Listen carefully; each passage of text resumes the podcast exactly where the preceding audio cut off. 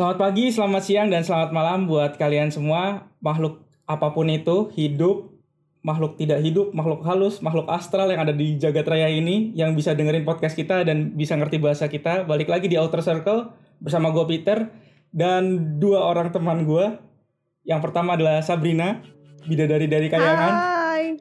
dan penyelamat kita, Haikal. Halo. Long time no see. Oke,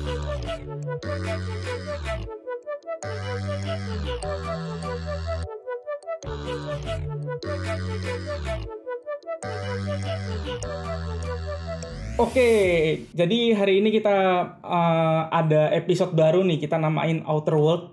Kenapa namain Outer World? Karena kita ada kedatangan tamu nih. Tamu kita siapa nih? Ada yang mau kenalin nggak nih?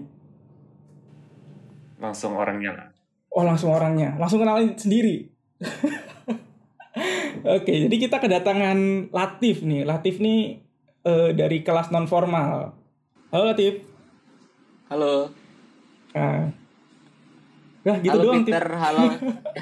Iya apa lagi? Kembali lagi dengan saya Latif dari kelas non formal. Kali ini saya akan memberikan sebuah materi. Enggak enggak, itu opening gua. Material. Materi apa ya? Materi kuliah yang kita. memang tidak enggak lah, Oke. yang enggak formal lah. Bagaimana Iya, nggak cara formal. berdemo, bagaimana cara Waduh, waduh. aduh, bahaya, aduh, aduh. bahaya jangan dibahas di bahaya bahaya bahaya bahaya. ya apa pun yang nggak formal yang nggak dipelajari di guru atau yang masih kurang di guru bisa hubungi gue Oh. mungkin dia Oh, mungkin teman-teman jadi lu di sini juga guru bisa itu jadi kurang ya? Jadi guru tuh kurang.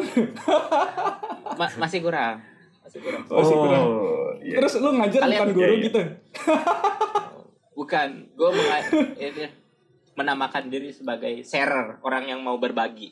Oh, sharer. Itu pemain bola sharer dan lear- dan learner. Kalau Oh, learner itu orang yang mau belajar. Ya terserah kalau mau belajar sama yang share boleh kalau enggak ya gak apa-apa. Gitu Oke, oke, oke. Oke lah, kita udah lah ya. Kalau apa kabar udah udah jelas lah dari dulu dulu eh dari dulu dulu dari kemarin-kemarin juga sama aja. Dan identitas kita sudah terbongkar di podcastnya kelas non formal kemarin tuh karena Sabrina udah banyak keceplosan dan Oh Latif iya. juga udah ngebocorin Oh. rahasia kita. Eh tapi tergantung loh, Ben. Hmm? Kenapa? Tergantung. Hmm. Tergantung Kan belum duluan kita yang upload. at- Iya, tergantung duluan yang upload siapa ini. Eh, Kita, gue nunggu Latif lah. Latif atau kita? Oh Kan- iya. Gue nunggu Latif kan di Instagram kita udah ini udah dikasih tahu part satunya di Latif. Gak apa part satu Iya. biasanya part 2 dulu. Kok masa part 2 dulu baru part 1? Oh, iya. Part 1 Nggak dulu apa-apa. lah. Oke, jadi kita mau kenalan nih Tip. Jadi kelas non formal tuh apa sih Tip?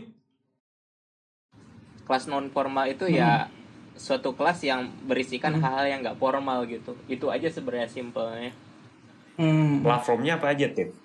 Jadi awalnya itu berasal dari website sebenarnya. Jadi waktu itu gue lagi mencoba untuk belajar bikin website sendiri.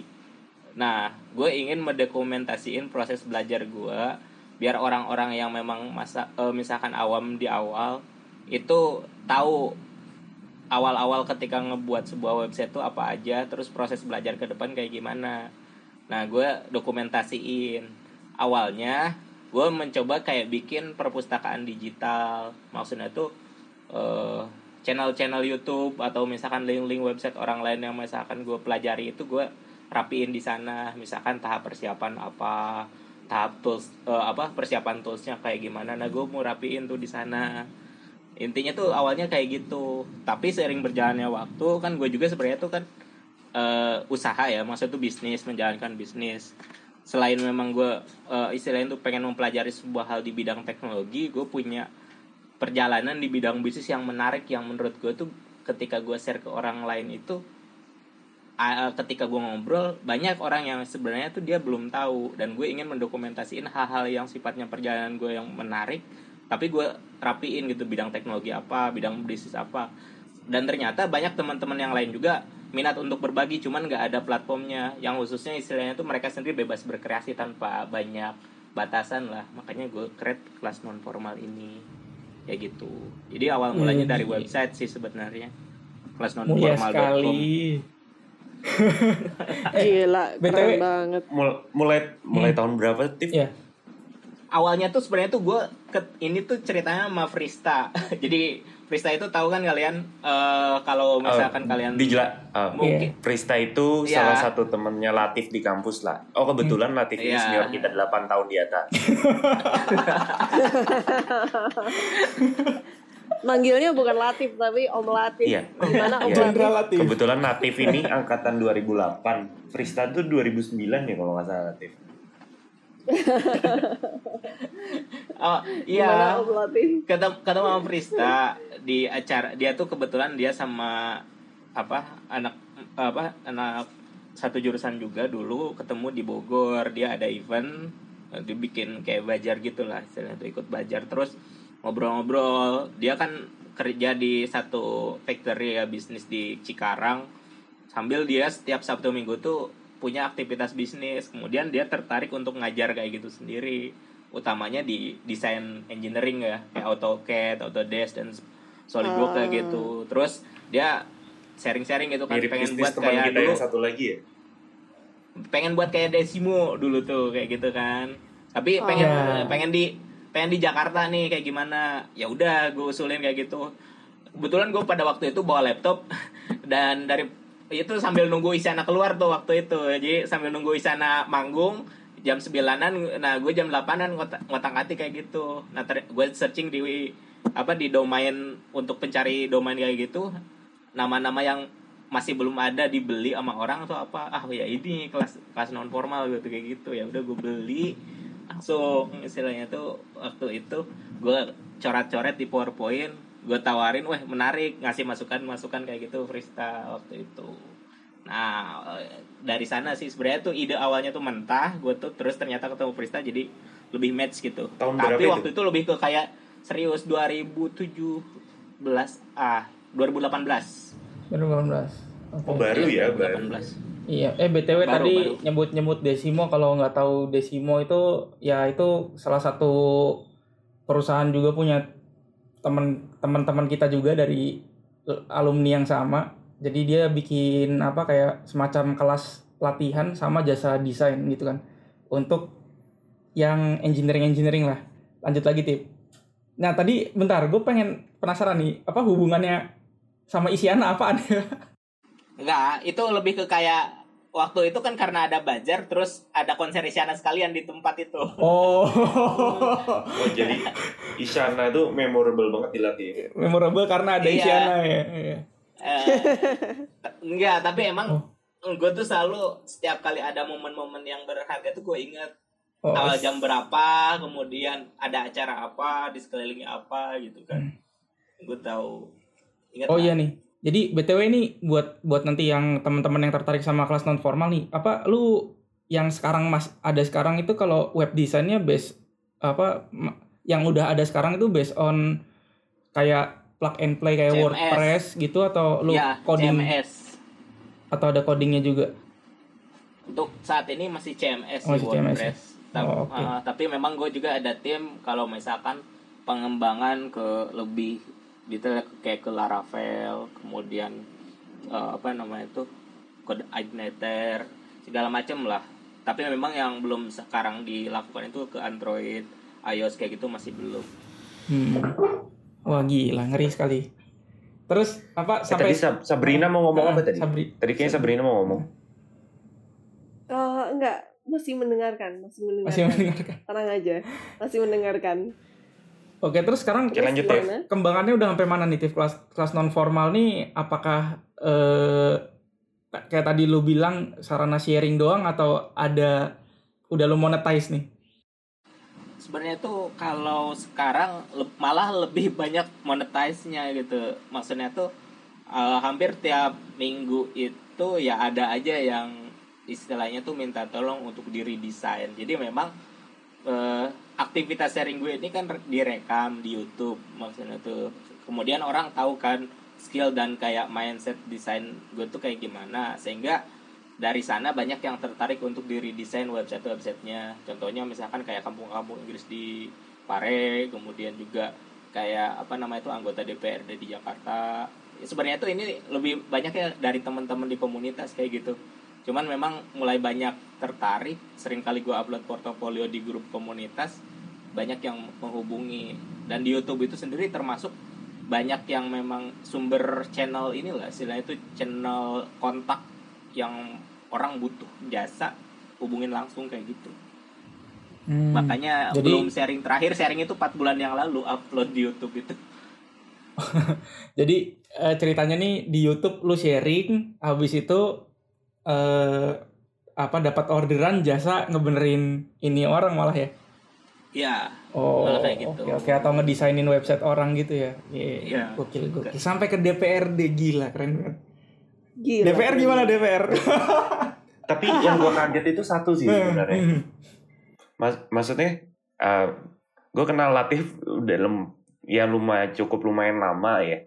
Cuman gue baru tahu kalau ternyata, maksudnya uh, pada saat lu bikin website yang bagus, uh, UI dan UX-nya bagus, itu nggak cuman berbau teknikal ya. Berarti ada jiwa seninya Latif yang, iya sense, uh, Sense. visualnya yang bagus gitu. Gue baru baru tahu gitu ternyata Latif seartistik itu juga ternyata. sebenarnya kalau dikatakan artistik ya enggak juga sih sebenarnya karena waktu itu hal yang paling gue nggak suka itu kan dari awal adalah gambar dan seni sebenarnya dari SD SMP SMA bahkan ya ujian seni gue termasuk paling jelek dibanding yang lainnya bahkan ketika gambar pun kan gue paling nggak suka. Tapi untungnya ya di kampus kan gambar teknik jadi nggak make seni gitu Ya, jauh jadi ya. nggak nggak ngaruh cuman hitung-hitungan doang gitu kan. Lebih ke kayak hitungan garis lurus garis miring yang berdasarkan sudut-sudut. Tapi kalau di sekarang kan sebenarnya tuh kalau di internet sekarang banyak platform untuk kita ATM lah istilahnya tuh. Dribble behance segala macam yang memang notabene oh sebenarnya tuh konsep dasar dari desain itu sebenarnya tuh perpaduan apa sih? Kayak kalau di website kan perpaduan warna nih kan. Misalkan kata-kata kalau kita pilih warna utama kita adalah biru tua dengan kode sekian. Nah perpaduan warna primer sekunder nah itu sendiri apa? Nah dari sana kita matchkan. Terus ditambah lagi apa namanya tuh kayak gambar-gambarnya memang otodidak sih. Waktu itu gue belajar dari ada kelas gue juga Adobe Illustrator sederhana nah sekarang gue lagi ngembangkan eh, desain-desain lewat Adobe Illustrator untuk sketching kayak gitu di awal Enggak, berarti hebatnya kelas non formal ini adalah berarti mengeluarkan sesuatu yang belum pernah keluar sebelumnya dari diri lu berarti sebenarnya ya. Iya, jadi hal-hal yang memang Jauh banget soalnya ini. Heeh. bahkan memang yang notabene gue nggak suka di awalnya tuh lewat sini tuh ternyata ya lihat perkembangan sebenarnya tuh perkembangan teknologi hari ini apa yang memang jadi primer? Kan misalkan teknologi nih. Nah dalam teknologi itu apa yang paling misalkan jadi, dominan? Kalau di startup itu kan tiga. Ada hacker hustler sama eh, hipster. Nah nah di masing kalau startup itu minimal ketika lu masuk ke dunia startup ya apalagi kalau lu misalkan pengen mendiriin bisnis sendiri itu minimal tiga tiganya tuh lu tahu dasarnya ya nah yang memang di sini itu adalah hipster. Hipster itu kan lebih ke desain ya. Utamanya kalau di aplikasinya berarti ya UI UX kayak gitu sendiri kan. Sisanya nanti lu Iya, iya. kembangin dengan coding.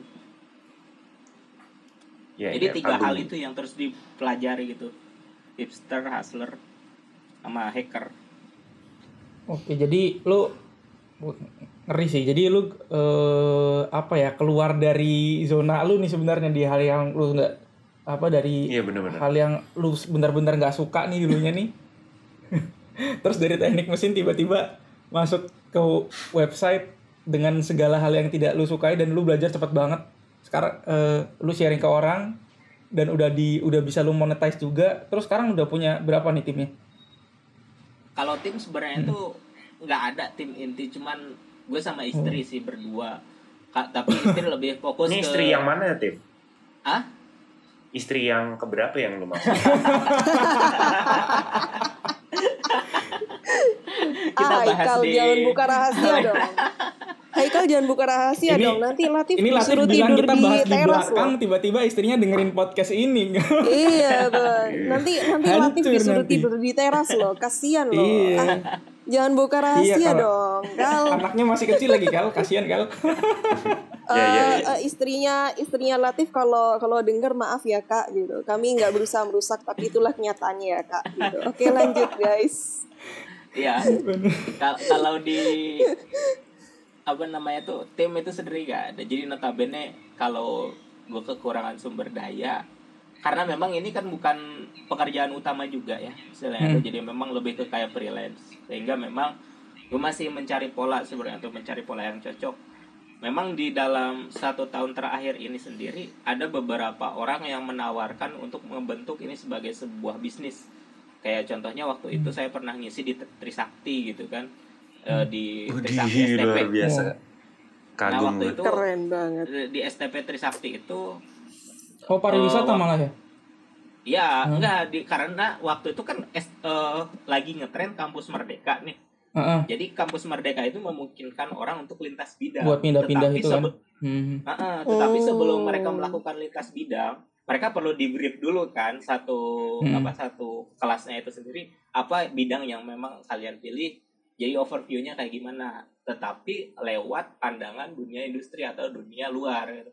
Bukan dalam panda- perspektif akademis gitu. Makanya gue yang memang notabene lebih ke kar- karena sebenarnya gini, kelas non formal ini target utamanya kalau misalkan di bisnis itu adalah me- eh, apa mengajar UM teman-teman UMKM gitu. Jadi UMKM itu notabene mereka yang memang butuh eh, punya sesuatu hal tetapi eh, butuh teknologi yang mereka un- untuk diadaptasi gitu. Salah satunya ya lewat website ini gitu. Nah, dari sana bagaimana me- me- meningkatkan branding UMKM dengan digital. Nah, itu yang memang gue sharingkan gitu. Jadi karena dengan eh, klien-klien gue terutama di wilayah Bogor itu banyaknya UMKM kayak misalkan jasa wedding organizer kemudian jasa sewa sound Bogor kemudian juga apa ya catering Bogor yang sifat-sifatnya jasa yang ada di Bogor gitu yang gue angkat Hmm.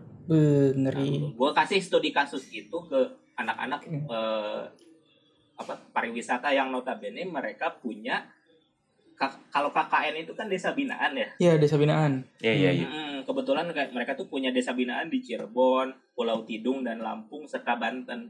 Nah, beberapa titik itu sendiri mereka punya desa binaan, pengen bagaimana menjembatani hal itu. Sehingga ketika mereka terjun ke K- KN juga sudah ada gambaran, ketika mereka memilih kampus Merdeka juga sudah ada gambaran. Tadinya mau dibuat setiap minggu itu sendiri kayak- kayak coaching kayak gitu. Nanti gue Hmm. bentuk tim, ajukan project ke rektornya, kemudian ya ki- kita buat coaching aja kayak gitu awalnya udah mau dibentuk kayak apa ya, istilah corporate sendiri lah cuman memang waktu itu ya gue bilang ya belum bisa untuk menjadikan ini sebagai sebuah corporate tapi gue bisa bantu apa yang gue bisa bantu aja tanpa harus melihat faktor biaya atau apa kayak gitu sih ngeri sekali. Latif memang inspiratif. Keren sih Latif. iya. Nggak salah dulu tip jadi kahima. Wes. Ups. Jadi oh, iya, apa itu Kaima Hmm. tapi 8 tahun di atas. dalam tahun dia Iya, dia Latif ini eh, Kahima gue sama Sabrina waktu kita ospek dulu ya, Sab. Iya. Kami manggilnya Om Latif. Kami manggilnya Om Latif Oh, karena Raden. yang Raden Raden oh bukan jenderal gitu. Yang yang udah tua kan dipanggil Om. Om Om Ya nggak Om Tif. Om, om. Iya Om. Soalnya Om Latif Ti, itu Om Kahimanya telat dia. gitu. Dia angkatan 2008 tapi jadi Kahima 2012 ya, Tif. Terus Skip- lulus di skip beberapa 2016 gitu. Aduh kacau.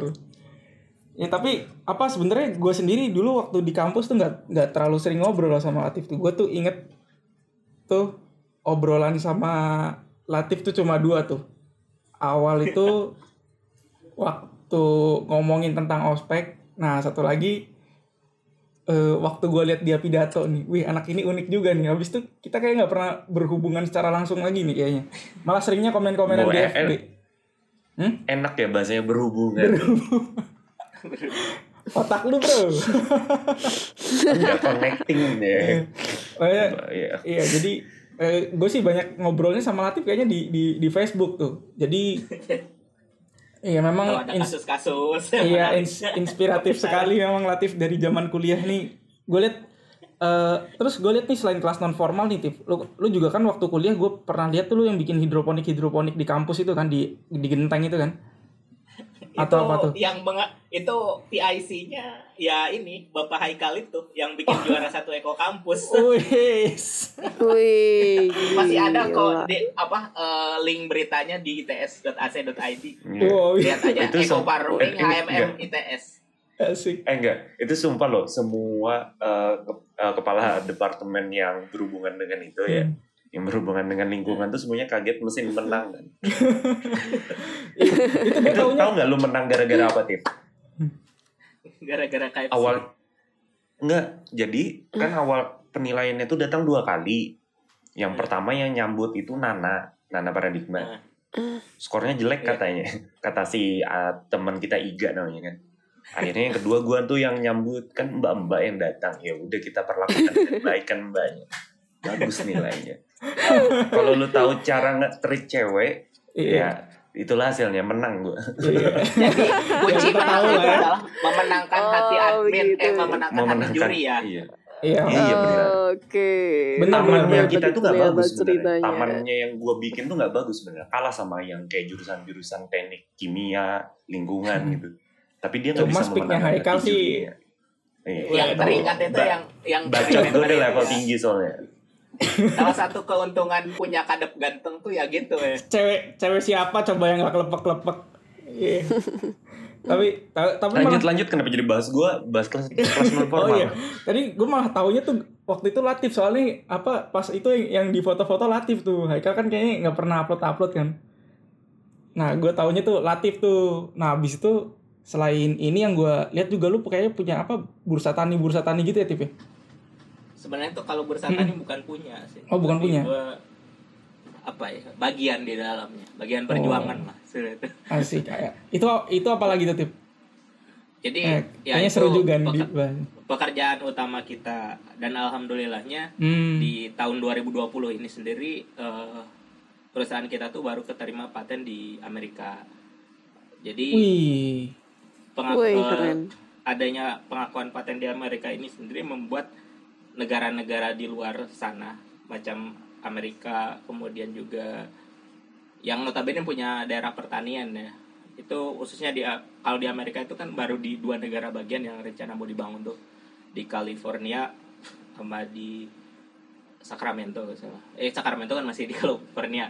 Kita ada eh, perusahaan sama yang bergerak de- seperti bursa tani di sana namanya Glogans glogans.com jadi di sana sekarang re- lagi rencana penjajakan untuk persiapan administrasi rencana kita bangun pabrik di sana itu tahun 2021 nah Wih, ngeri kali. nah kalau di Gila, keren banget. tapi kalau itu lebih ke kayak ya itu produk kita yang dijualkan di sana dengan korporat mereka gitu. Nah, kalau misalkan saya sendiri lebih ke urusan dalam negeri. Ja- Jadi kalau di dalam negeri sendiri sebenarnya dari tahun 2017 pertengahan kita dirikan ini. Jadi awalnya konsepnya Bursa Tani itu lebih ke kayak jaringan global toko petani. Kalau teman-teman tahu Alfamart kan itu jaringan global sembako modern lah saya tuh. Nah, kita tuh pengen bikin jaringan global toko petani. Jadi per, toko apa sih kebutuhan segala pertanian itu ada di bursa tani itu. Maka dibuat platformnya. Cuman yang membedakan Alfamart itu kan mereka menggunakan produk orang lain terlebih dahulu baru mereka mengeluarkan produk mereka sendiri kan. Nah, kalau kita kebalikan, kita gunakan produk kita sendiri baru produk-produk orang lain yang ikut dan kita buat seminal minimal mungkin produk-produk yang dijual di toko itu. Nah, salah satu produknya itu sendiri pupuk batu bara. Itu yang baru kita dapat paten gitu.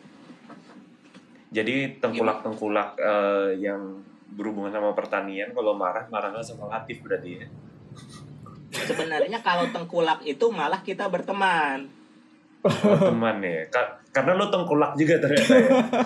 Bukan, karena nih udah kalau bagus, tengkulak bagus. yang tengkulak yang ada di Indonesia kan notabene lebih ke kayak mengambil hasil tani ya. Kalau kita lebih ke Iya. itu lebih ke hilir. Kalau kita main di hulu gitu. Nah kalau hilir dan hulu tuh berhubungannya tuh gini. Eh, si kita tahu channel petani-petani yang bagus menghasilkan produk yang bagus itu dari si tengkulak dong. Tengkulak biasa beli di mana aja. Kemudian petani ketika dia jual produk yang bagus otomatis kan dia punya standar yang bagus sebelumnya. Nah, kita tinggal masuk untuk menawarkan produk kita untuk istilah itu ya challenge lah. Eh, mereka hari ini me- memproduksi berapa ton dalam satu hektar. Nah, kita memberikan teknologi yang baru yang mampu meningkatkan beberapa persen lebih dari apa yang mereka lakukan saat ini. Eh, tapi berarti- kita lakukan. Eh, berarti lu memotong si hilir kan sebenarnya karena si petani udah bisa jual sendiri kan sebenarnya. Eh, kalau gue kan nggak nggak main di sana. Gue Oh lu nggak main di sana ya? Nggak, nggak, nggak. Jadi gue main di pupuk kayak gitu-gitu. Oh iya iya. iya. Pupuk Oh lu bahan pendukungnya ya ya yang ngerti. Iya, sarana produksi pertanian. Sebenarnya kalau sebagai anak mesin tuh gue masih punya idealis pengen kayak menciptakan teknologi-teknologi yang sifatnya alsintan gitu loh. Yang notabene yang jadi kalau di jurusan kita dulu ya hanya sebatas apa istilahnya tuh PKM, ya, PKM. perencanaan ya PKM sama PEM ya perencanaan Hmm. elemen mesin gitu. Mm-mm. Nah pengen ya dibuat kayak gitu kayak eh, kolaborasi sama kampus bikin kayak bengkel di bengkel mini lah di tiap kampus itu sendiri jadi anak-anak tuh bisa menciptakan teknologi tempat guna sebagai tempat riset sekaligus tempat mengembangkan istilah itu pertanian ya karena memang selama ini ya saya juga sambil riset lah eh Cuman ma- eh, pertanian yang ada di Indonesia tuh kayak gimana Cuman implementasi kalau- terhadap Ya. cuman kalau masalah biaya gimana? biaya apa Eh, enggak maksudnya Nah, lu mau itu diri di kan ya kampus salah gitu? satu salah satu yang jadi tantangan sebenarnya kan biaya ya. Maksud tuh gini di baik dari segi petaninya maupun dari segi kita yang mau mendevelop teknologi baru gitu. Terutama kalau startup istilah itu. Karena gini yang teman-teman startup lakukan hari ini banyak kan mereka mungkin bikin sebuah teknologi tetapi nggak kejangkau dengan harga petani ditambah lagi ya riset mereka sendiri itu kan lumayan tinggi lihatlah kalau di Iya, benar. Indonesia kan nggak banyak perusahaan-perusahaan yang bergerak di istilahnya tuh riset yang benar-benar kayak perusahaan teknologi riset gitu kayak macam Quick yang menghasilkan traktor kayak gitu kan rata-rata kan sebenarnya benar-benar. basisnya R&D di Indo nggak bagus soalnya. Heeh, kayak basisnya ya lebih ke kayak bengkel-bengkel tradisional aja ya bikin apa bahkan sebenarnya tuh aplikasi teknologi. Kan kita selalu ber- berbicara 4.0 gitu. Sebenarnya tuh di pertanian itu 2.0 aja belum kegarap semua gitu. Ibaratnya gini pakai traktor aja yang belum semua merata kok gitu ya ada bantuan tapi nggak semua petani bisa melakukan hal itu. Kayak gitulah istilah bursa tani itu. Jadi masih baru. Kita juga kalau dikatakan startup ya masih startup. Masih mencari pola hal yang pas gitu. Kita tawarkan ke petani itu apa biaya yang efisien bagi kita itu kayak gimana Gila, mu- mulia sekali visi misi dari Latif ini. Jadi kalau ada yang mau pilih Latif jadi presiden dan Indonesia swasembada pangan, wah, pilih Latif. Sudah berpengalaman jadi kahima, bentar lagi jadi presiden. ya nggak Tip? Ah, enggak. Tidak. Oke oke. Ah, ah, ya udah lanjut dulu. Gimana kali gimana? Kal? Mungkin lo jelasin dulu lah. Mungkin Iya. ada yang nggak familiar Mhm. dengan in- industri 4.0 itu apa sih? Hmm. Ya kalau kita yang kerja di teknikal udah pasti ngerti. Cuman Hmm. jelasin lah bahwa 2.0 uh, pro- mass product dan Aku sebagainya. aku tidak mengerti, aku bodoh. Hanya Haikal yang pintar di sini.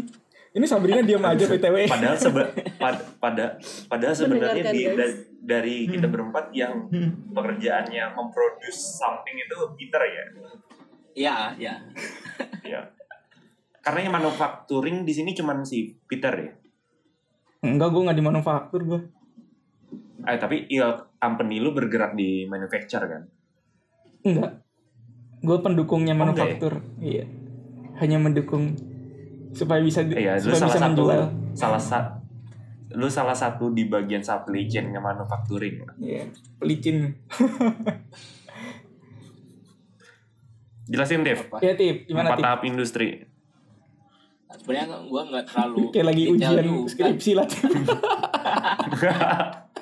Gue nggak terlalu sebenarnya tuh nggak terlalu detail paham si industri 4.0 itu Eh, maksud tuh ke sejarah ya nggak terlalu soalnya nggak nggak mempelajari sejarah cuman ya orang kan hari ini ya banyak bilang oh industri 4.0 yang ditandai kan di sini lebih ke kayak ya gimana Ya, ya, istilah ya. itu in- ya internet ya udah gue yang jelasin deh Eh, nah jadi itu lu tahu kalau jadi kalau misalnya teman-teman search di Google juga udah temu jawabannya lah.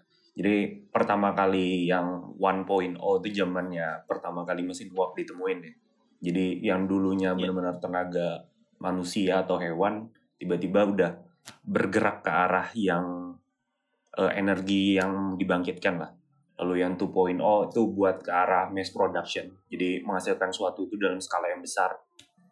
Lalu yang ketiga tuh em, masuk tuh eh, electronics, IT dan kawan-kawan masuk. Kalau sekarang nih 4.0 itu adalah eh, lebih ke arah connecting dengan semua data lah, termasuk dengan Data connecting dengan connection. HP dan sebagainya. Ma- makanya eh, makanya kalian banyak dengar Gojek atau apa atau eh, marketplace kayak Tokopedia dan sebagainya Ya, IoT. semuanya tuh connecting Hmm. gitu 4.0 eh, IoT atau yang lagi heboh-heboh sekarang deep learning gitu gitulah itu aja sih lanjut bahas Latif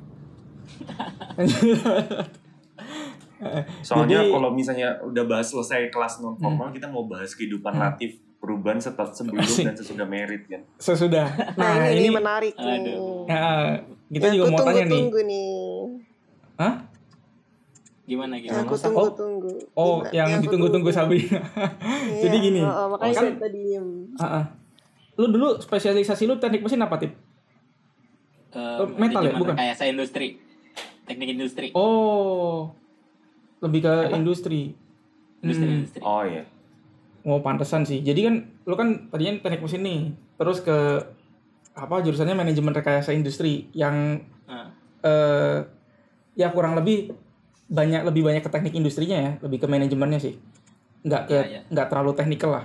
Nah, habis itu lu eh lulus hijrah ke mana namanya bidang yang kayak pertanian, terus satu lagi ke website segala macam. Apa yang membuat lu tiba-tiba kayak ubah haluan 180 derajat atau nggak tahu 100 berapa puluh derajat gitu ke hal-hal yang malah kayak tadi lu nggak lu yang dulunya nggak suka yang nggak sesuai sama eh, jurusan lu sekarang yang lu pelajarin gitu yang membuat lu shift itu apa tip terus kenapa lu pengen shift ke arah sana kalau dikata sejarah Mm-mm. sebenarnya gini Hmm. jadi gue kan ikut di apa namanya tuh ada kasih beasiswa lah waktu itu tuh dari Mm-mm. untuk kuliah tuh nah beasiswa itu dari istilahnya tuh dari sebuah corporate manufaktur waktu itu yang punya perusahaan ya berbasis teknik mesin cuman waktu itu ada ganti haluan si perusahaan itu sendiri dari manufaktur dengan fokus dengan mendirikan UMKM di seluruh wilayah Indonesia. Total hari ini ada 200 UMKM yang didirikan perusahaan itu sendiri. Jadi eh, menyebarkan aset dari satu perusahaan besar menjadi banyak perusahaan berbagai wilayah dengan cara memberdayakan masyarakat. Nah, ketika gue lulus sebenarnya itu di- diminta untuk bagaimana caranya UMKM UMKM ini sendiri memiliki value lebih. Waktu itu nggak langsung ke sektor pertanian. Waktu itu malah gue masuk ke bidang toko bangunan. Toko bangunan itu ya gimana caranya mendevelop toko bangunan. Awalnya gue bikin kayak konsep kalau teman-teman tahu Build Deco itu alumni ITS juga yang bikin kayak marketplace toko bangunan. Nah, itu waktu itu bentar. Nah, karena konsep waktu itu lagi ngetren ya bisnis digital, e-commerce kayak gitu, ya gimana caranya UMKM yang total 200 itu sendiri bisa go digital. Nah, bikinlah perusahaan di Jakarta namanya EDB PT sampai bikin juga PT-nya PT EDB Gelora Persada. Bikin waktu itu ya kita mulai eh, mengenal kayak konsep bisnis dropship, kemudian juga bagaimana meningkatkan value. Awalnya konsep yang kita usung itu lebih ke kayak warung pintar kalau teman-teman hari ini tahu. Jadi kalau Oh warung ya pintar jadi warung pintar itu memungkinkan warung-warung lokal itu di rebranding, eh, si tempatnya di dikasih eh, apa direnovasi, dikasih identitas yang bagus. Nah kemudian juga dikasih fasilitas-fasilitas yang notabene berbasis teknologi kayak eh, alat kasir penghitung, kemudian juga ada kemud eh, apa namanya tuh si ini tuh supplier terintegrasi. Nah awalnya dibuat kayak gitu, terus di tengah jalan eh, ketemulah antara ketua istilahnya itu ketua yayasan lah kalau tempat saya itu yang ngasih beasiswa ke saya itu dan yang pemilik bisnis pertanian. Nah, bikin joint venture, dibentuklah bursa tani kayak gitu. Jadi awalnya sebenarnya itu dari awalnya mau waktu itu ngelanjutin untuk eh, kan beasiswa kan biasanya langsung ditempatin di titik eh, industrinya ya, teknik mesin ke sana. Nah, cuman waktu itu ya udah disebar, makanya fokusnya lebih ke arah bidang itu kayak gitu bidang pengembangan UMKM yang notabene menuntut kita lebih ke kayak mengeksplorasi hal-hal yang dibutuhkan di dunia kerja Da- karena memang kalau yang saya lihat sebenarnya itu ketika mahasiswa itu lebih ke kayak dirangsang untuk pola berpikir kita logika-logika penyelesaian gitu kan ya setiap soal kan pasti ujungnya itu tujuannya itu menyelesaikan sebuah permasalahan nah kalau di industri kan kalau di dunia bisnis yang dihadapi kita itu adalah permasalahan. Nah, logika-logika itu yang dibangun. Mungkin pendekatan teknisnya sendiri yang di apa sih nah itu harus dipelajari tambahan kayak gitu sih. Oh, Itu latar Itu belakangnya yang- itu itu sebenarnya. juga- ya. jadi itu itu juga yang akhirnya mendasari lu lu belajar website, belajar SEO, belajar ads gitu. Akhirnya lu so- bikin kelas non formal itu. Iya, Atau- jadi peng- pengalaman-pengalaman yang istilahnya itu di dunia kerja tapi enggak tersalurkan menjadi sebuah bisnis. Nah, gue bikin sesuatu hal yang misalkan gue bisa kerjain di luar bisnis gue. Makanya kelas non formal ada kayak gitu. Oh, mantap mantap. Jadi Terus, kayak gini, la- latar belakang yang paling penting itu gini. Seringkali banyak kan teman-teman kita yang eh, ketika eh, lulus tapi belum tentu dia langsung dapat kerja kan, atau ketika lulus dia nggak langsung sesuai dengan bidang pekerjaannya. Nah, gue tuh pengen Iya. memfasilitasi hal itu dengan sebuah platform yang memungkinkan orang belajar tanpa harus mencari ke mana-mana. Nah, kalau misalkan dia mau lintas bidang atau misalkan semenjak kuliah pengen belajar hal-hal yang sekiranya dia mungkin saja dia tidak ke bidang yang lurus atau ke bidang yang belok ya belajarlah di non formal gitu Oke. Keren sih. Keren banget. Nah, kayaknya Sabrina udah mau tanya nih. Kita udah bisa korek-korek Latif nih sekarang nih. Sabrina kayak udah nggak tahan nih. mau- Dari tadi. Ayo siap. Apa ya? Kan udah lama nggak ketemu Latif tuh nggak ngobrol. Masa nggak kangen Sab? Lu tanya Iya apa gitu? Oh, ya, kangen banget nih sebenarnya. Eh pertama nih, Pip. Gimana sih cerita pertama gitu waktu ketemu sama istri?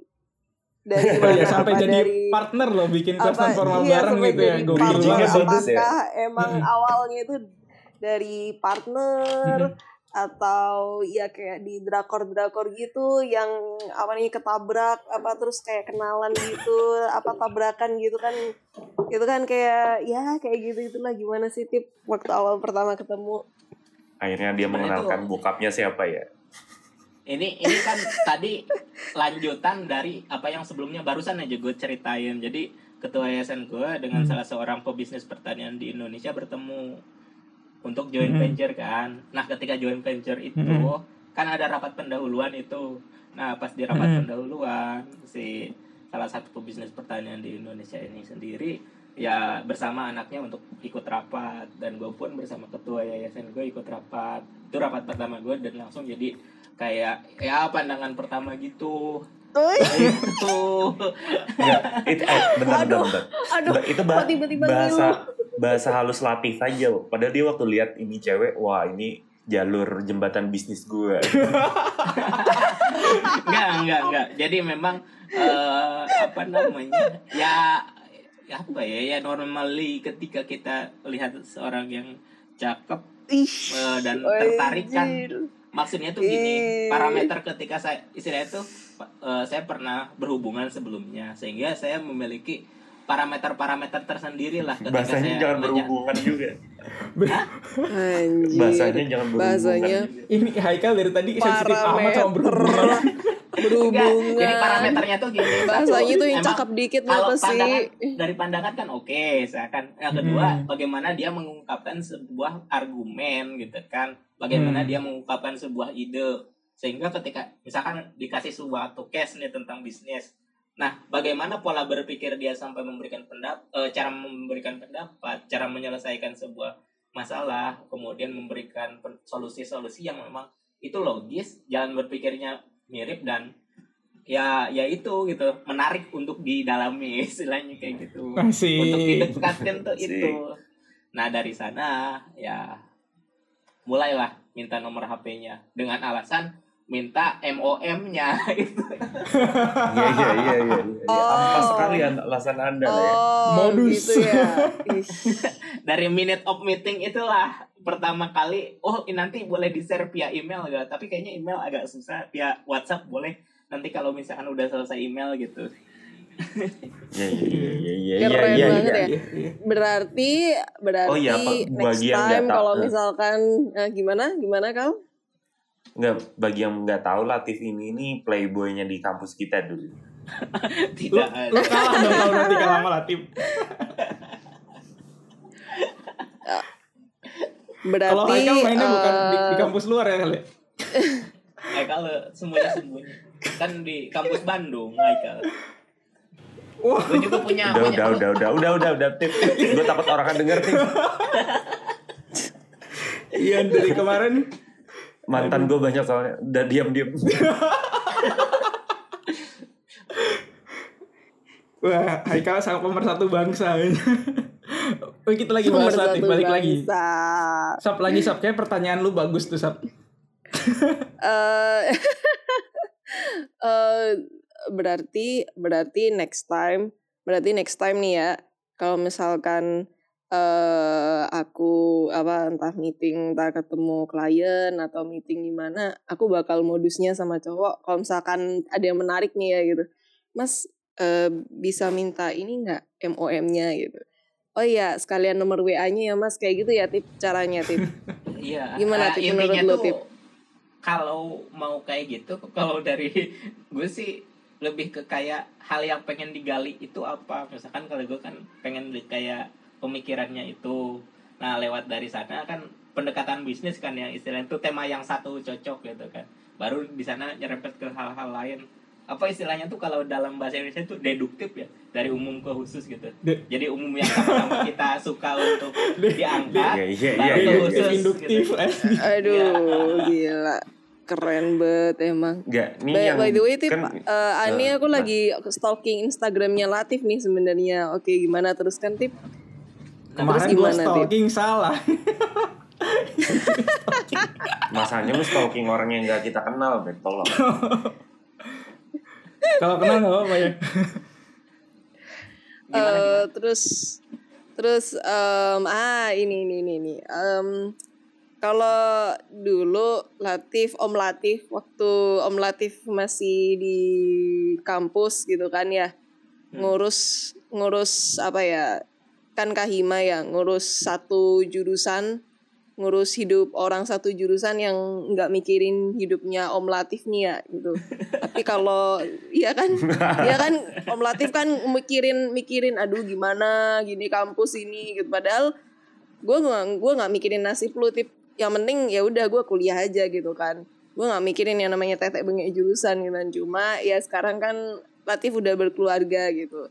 Bedanya rasanya memimpin kampus dan memimpin keluarga gimana sih? Asik. Mengimami mengimami keluarga gimana sih? Kok jijik banget ya bahasa? Imami kayaknya nama teman kita juga. Enggak, sap sap. gimana Sab, gimana gimana? bedanya apa, gimana apa Kalau kalau dulu kalau ma- waktu di himpunan kalau malam-malam dia meeting. Kalau sekarang malam-malam beda lagi kayak gitu. Meeting dia. Aduh ya Allah, kal Aduh. eh, Anda kan nanti nanti Kan kena apa-apa, udah sensor sah, nih. udah sah, udah sah. Oh gitu. oh gitu. Oh iya ya udah Iya, saya. apa- atau gini, kita ini dulu, lu gimana kalau rasanya dipimpin sama Latif kal? Ah iya iya tuh boleh boleh boleh. Boleh Enggak, tuh. enggak. eh, Bagaimana? Latif terlepas bahwa eh apa yang dibawanya dulu gagal ya. gagal Cuman atau Mas- tidak Mas- bisa dibuktikan dalam waktu satu tahun gal eh gue bilang lebih ke arah maksudnya pada saat lu nyoba merubah sesuatu itu chance lu buat gagal lebih banyak kan sebenarnya. iya Eh, dan emang gagal pada saat itu kita harus ngakuin. Cuman Iya. keberanian untuk merubah itu nggak semua orang bisa ngambil. Gitu. Dan gue yakin apa pun Betul. yang kegagalan yang gue sama Latif rasakan pada saat itu, maksudnya yang nggak gagal nggak cuma Latif ya, semua orang di sana pada saat itu adalah merasa gagal sebenarnya. Cuman eh ya ya ini salah satu bentuk kita berani mengambil perubahan sih dan itu uh, sesuatu yang gue apresiasi ya. jadi maksudnya yang kita lihat nggak cuman hasilnya yang gagal nih cuman langkah dia untuk berani untuk ngambil peluang kegagalan lebih tinggi itu perlu di uh, standing applause sih. itu sih yang gue kagumin lah Gila, Si- keren ngeri. Latif. Latif. terlepas hasilnya gagal ya Ya gimana? itu itu Latif juga kayaknya itu yang pernah lu omongin sama gue juga tuh dulu ya Tip ya? ya Kan gua kan- intinya tuh kalau kalau bagi orang-orang generasi angkatan kita atau generasi yang mulai terbuka dengan perkembangan sebenarnya tuh iya itu kesempatan yang mungkin ya bisa ya waktu yang kita tepat lah istilahnya itu untuk bergeser secara paradigma ya waktu itu ya memang walau dengan ternyata tidak semudah ketika teori kita lakukan di tengah jalan gitu kan kita harus mencari daya Iya. dukung melawan kultur sebenarnya tuh pembelajaran yang paling besar itu ya waktu itu sendiri. Walaupun sebenarnya tuh ketika gue berpikir ke waktu itu sendiri kok gue ngambil keputusan ini gitu ya keputusan yang tidak populer pada waktu itu yang malah gue merugikan diri sendiri dalam artian banyak hal yang gue korbanin termasuk gue harus istilahnya tuh waktu itu ya gue disuruh belajar gitu kan ke kampus itu. Tapi kok di sini gue nge- ngerubah bukan ngerubah sih istilahnya tuh mencoba melakukan sesuatu hal yang sebenarnya tuh di luar jalur mem- membuat iya. sebuah program baru yang notabene itu harus menguras waktu kita untuk lebih dibanding misalkan ketika kita ngambil ya jalur yang sama gitu istilahnya itu kayak gitu Tapi kan abis itu lu jadi lebih agile orangnya kan? Keluar kampus ngerjain apa aja bisa ya. ya kalau udah Iya, itu, itu ya, harus eh, Hmm. maksudnya itu yang harus kita akuin lah maksudnya gini Hmm. eh, bagi gua gagal itu eh, manusiawi gitu jadi maksudnya gagal tuh bukan dosa besar gitu ya banyak yang bisa bahkan lo dapet dari kata gagal sih malah Perspektif aja sih itu perspektif. Lu gagalnya Heeh. di suatu hal misalnya di suatu hal lu gagal nih. Oh lu tidak mencapai apa tapi lu berhasil nambah skill lu gitu kan. Kalau Iya. masalah perspektif aja sih sebenarnya. Nah, BTW lagi ngomongin tentang keluarga nih. Tadi jadi gimana tip? pertanyaan Sabrina nih Iya, terus kayaknya Haikal jawab juga pertanyaanku Haikal juga kayaknya mau nanya tuh belum- tentang kan belum kan belum jawab jadi bapak muda baru, tuh. baru nyampe Haikal dulu sebenarnya tuh Hmm. kalau hakikatnya itu kan oh, konsepnya mimpin istilahnya itu ya memang sebenarnya itu ada kesamaan dan ke perbedaannya. Kalau kesamaan sebenarnya itu yang gue ambil ketika gue dulu menjadi ketua himpunan kan yang ketika gue lakukan adalah membawa visi ya istilahnya itu nah kalau di sana kan istilahnya itu visi organisasi. Nah kalau di keluarga pun ya tetap harus ada visi gitu istilahnya itu visi lu berkeluarga itu apa? Itu yang memang sebenarnya itu harus direnungkan pada setiap orang. Yang mungkin bagi orang-orang yang katakanlah belum menikah itu kan sampai pada umur tertentu ya karena ya visi mereka untuk menikah sendiri kan tidak hanya mereka untuk dia sendiri gitu kan tapi dengan orang yang misalkan katakanlah dia bawa untuk me- membangun sebuah visi tersebut gitu ya calon pasangannya itu at least gitu. Sehingga ya pada waktu menikah ya kita pertama di sini kan gue melakukan pendekatan pendekatan waktu itu kan bertemu bulan September. Kemudian melakukan pendekatan kemudian jadian satu bulan kemudian kemudian baru tunangan kemudian kita ambil jarak satu tahun sampai ke pernikahan. Jadi bulan Ja- Januari itu kita tunangan Januari 2019 Januari 2020 kita pernikahan. Nah selama sana itu kita menggodok kayak istilahnya tuh kalau di organisasi itu ya visi misi itu kayak tanya ke warga apa yang memang jadi kebutuhannya.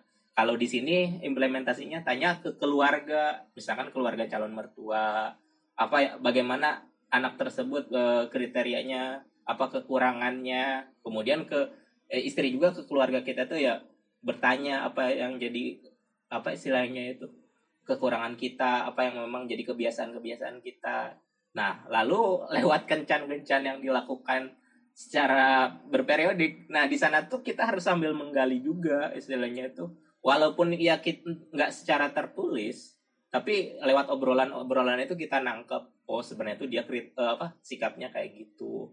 Ke depan tuh dia pengen kayak gimana kekurangan dia apa hal yang mungkin kita harus bisa kompromi itu apa. Ya kayak gitu sebenarnya tuh prinsip-prinsip organisasi yang itu sangat bermanfaat kalau misalkan diambil dari perjalanan gue ke sana termasuk ketika tadi kita berbicara kegagalan itu yang suatu hal yang memang jadi feedback ke diri kita gitu. Sehingga ketika kita mengambil sebuah keputusan besar katakanlah gue jadi kaima apa yang memang gue pengen angkat? Dan apa yang bisa gue paksa eh, apa harus itu jadi dan mana yang enggak? Nah di situlah misalkan gue harus berkompromi. Sehingga di rumah tangga itu lebih vital vital lagi gitu loh. Ketika visi yang lu bangun itu sendiri hanya untuk diri lu doang bukan hanya untuk istri lu.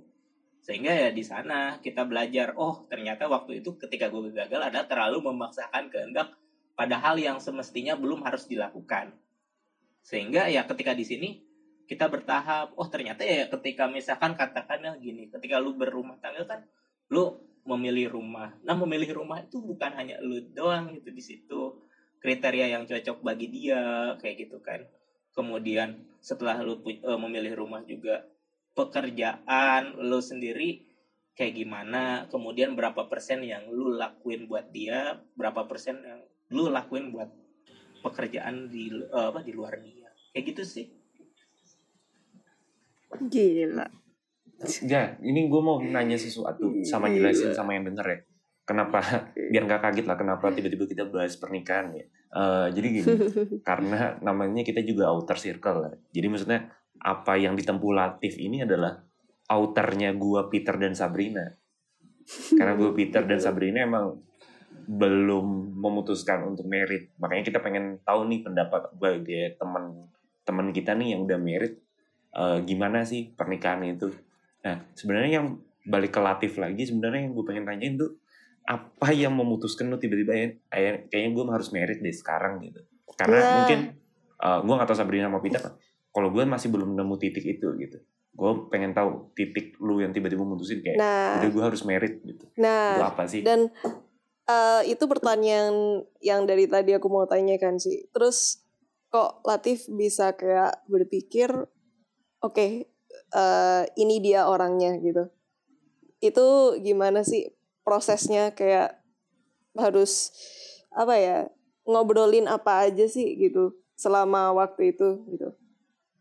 Hmm, kalau dari alasan kenapa mengambil keputusan menikah serta mengambil keputusan kenapa harus dengan dia menikah itu memang nggak sederhana karena di sini kan pertama di sini lebih ke kayak balik ke diri sendiri dalam artian kita punya karakter yang kayak gimana nih yang notabene kalau gue sendiri karakternya itu yang memang ya orang yang seneng ngobrol gitu kan tetapi ya circle gue itu sendiri nggak memungkinkan gue untuk ngobrol secara terbuka dengan istilah itu kalau teman-teman mungkin pernah berkomunikasi pemikiran gue itu kadang berbeda dalam artian ya istilah itu dengan lingkungan sekitar itu tidak semua bisa nyambung gitu loh. baik dengan apa yang diobrolkan maupun misalkan gaya pembicaraan kita nah itu hal yang memang Topik. agak Iya.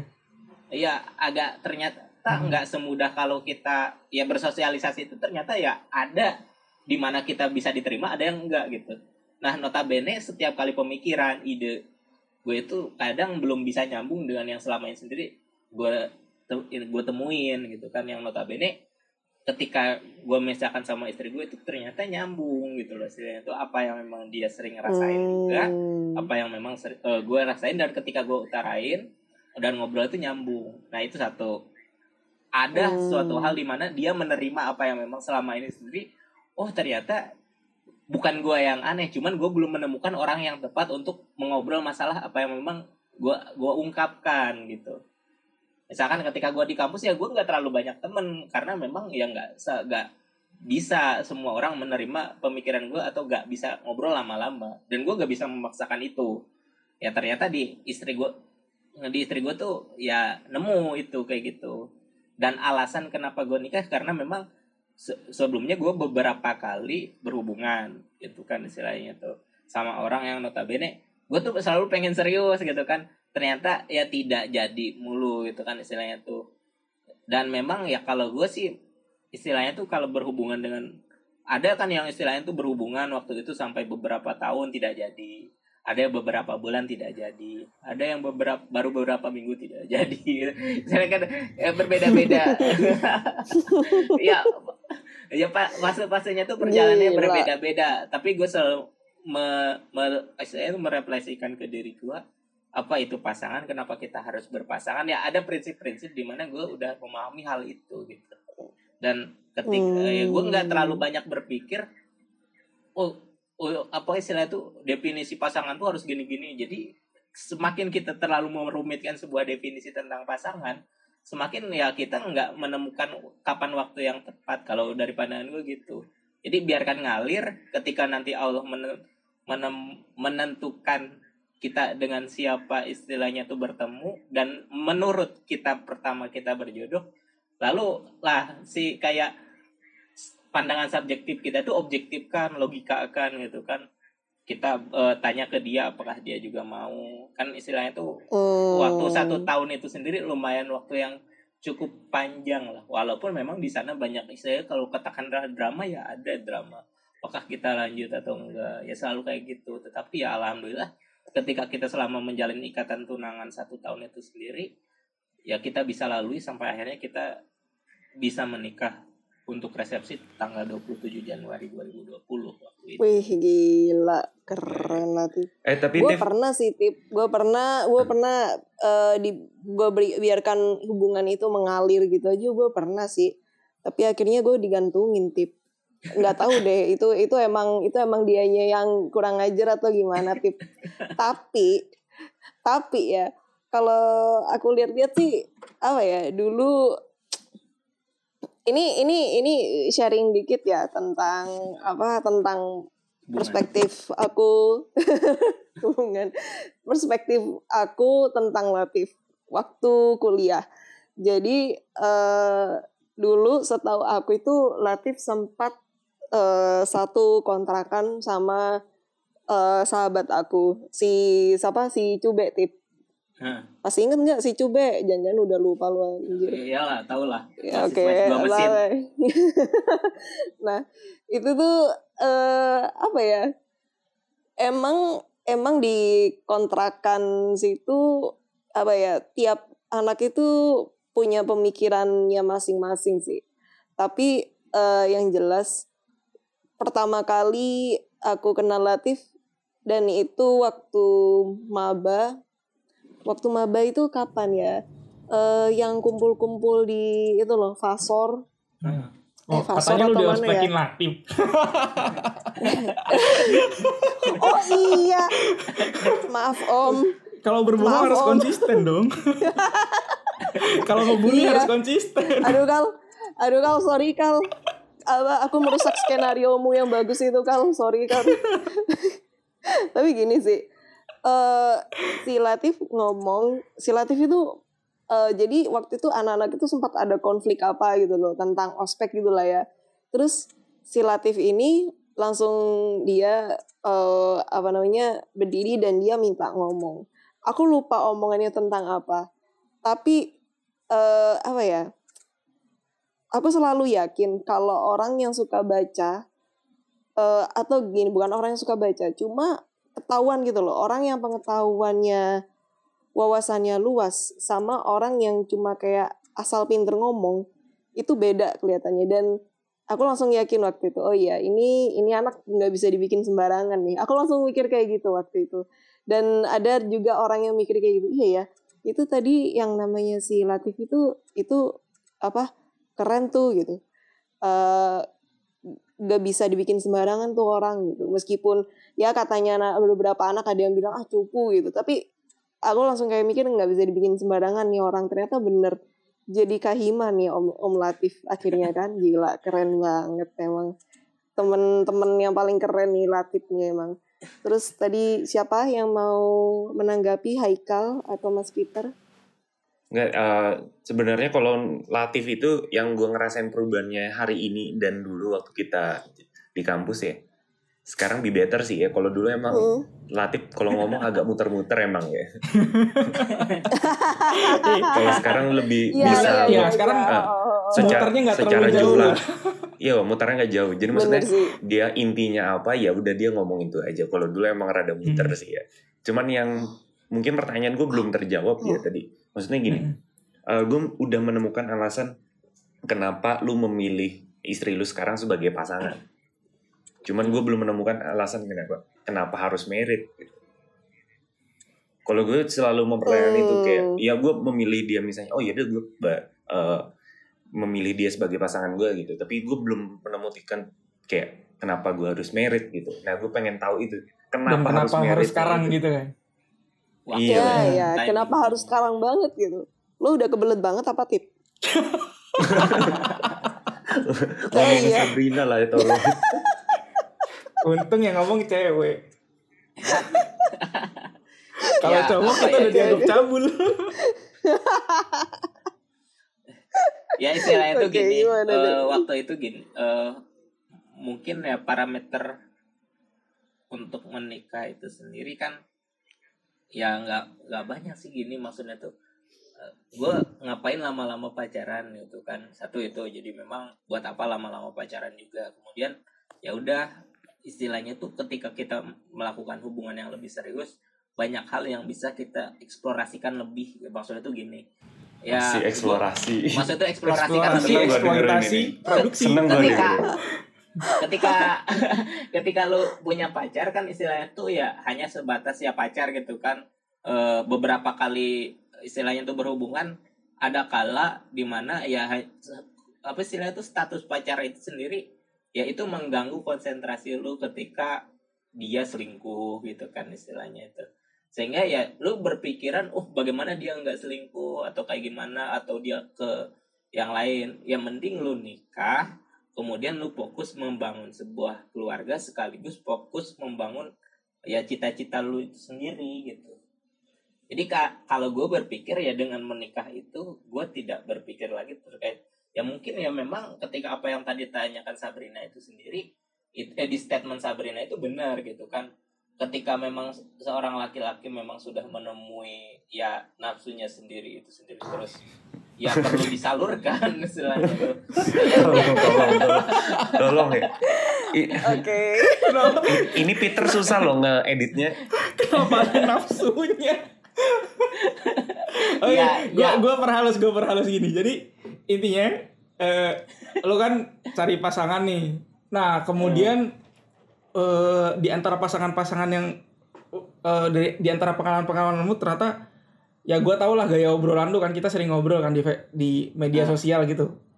Topik obrolan lu sama gua mirip-mirip lah, agak-agak ekstrim. Itu nggak bisa masuk ke semua orang. Tiba-tiba lu nemuin satu nih, ini udah Nah. cakep ya kan. Habis itu eh kalau ngobrol bisa diajak ngobrol yang ekstrim-ekstrim nyambung sama lu, ya kan bisa menahan kata-kata lu yang berputar. ya kurang lebih gitu kan. Nah, ya, udah intinya ngapain sama orang lain lagi gitu ya. Gue punya cita-cita Udah yang nemuin istilahnya itu yang satu bisa frekuensi gitu lah. Heeh. bisa didukung kalau misalkan katakanlah le- eh, dia Iya. berstatus sebagai istri gitu. Gue nggak berpikir lagi Mm-mm. eh, si istri kayak gimana, kemudian juga Iya. ya eh, ya gue juga ya yang manusiawinya itu sendiri Iya. tetap dilakukan gitu. Iya. gue udah memperhalus lu ke sana lagi. Aduh. Oke, jadi pokoknya Intinya Ya, gitu itu ya, kan- udah udah cocok, ya, ya abis hal, itu hal wajar. lu berdua punya visi yang sama lah intinya gitu lah ya. Iya. Terus ngapain dilama-lamain kan udah visinya sama, berdua udah cocok. Ya udah jalanin aja. Heeh, Iya. gitu. Ya, gitulah kira-kira ya. Jangan jangan dibawa ke sana lagi dong. Kenapa kalian Nanti tidak negatif ini ya tidak jadinya.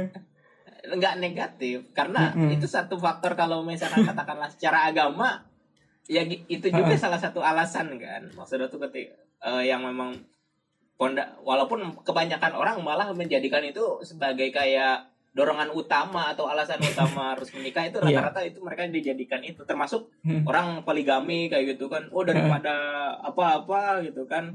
Mending ya udah jadikan istri. Kes- kesalahan orang itu memang itu menjadikan faktor pertama. Daripada kamu berzina ya lebih baik nikahi. Itu kan saya itu ya beberapa orang juga memiliki pandangan itu jadi faktor utama ya itulah balik lagi setiap orang Oke, oke, oke. Hmm, Begitu. Oke oke oke. Itu mah Sip sip. Gila. nah, kenapa Pit? udah sih Iya iya. Sebenarnya kita eh, Coba. bisa dapat banyak lah dari Latif ya. iya. Tadi dari Protein, kelas protein. normal Mm-mm. da- eh, dan kehidupan menikah gitu. Eh, BTW Thanks banget Latif bisa Eh. jo ah. BTW ada satu pertanyaan lagi yang belum dijawab nih. Tip, lu tadi Sabrina kan tanya tuh, lu Hmm. kalau setiap kali ngobrol tuh ngobrolin apa? Apa ngobrolin supply chain atau lean manufacturing, operation management atau ngobrolin apa gitu? Topik obrolan. Gue udah lama banget gak denger bakal- apa Six Sigma Lean. Ya kali Iya ya kan tuh, ngomongin jangan ngomongin experimental Six Sigma design nih. kayak gitu. Aduh, udahlah. Ya, Tip. Ya. Mm-mm.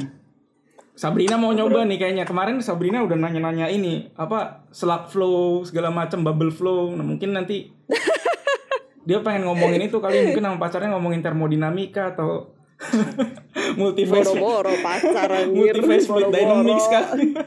Nah, kalau lu ngobrolinnya apa tuh? Pacar.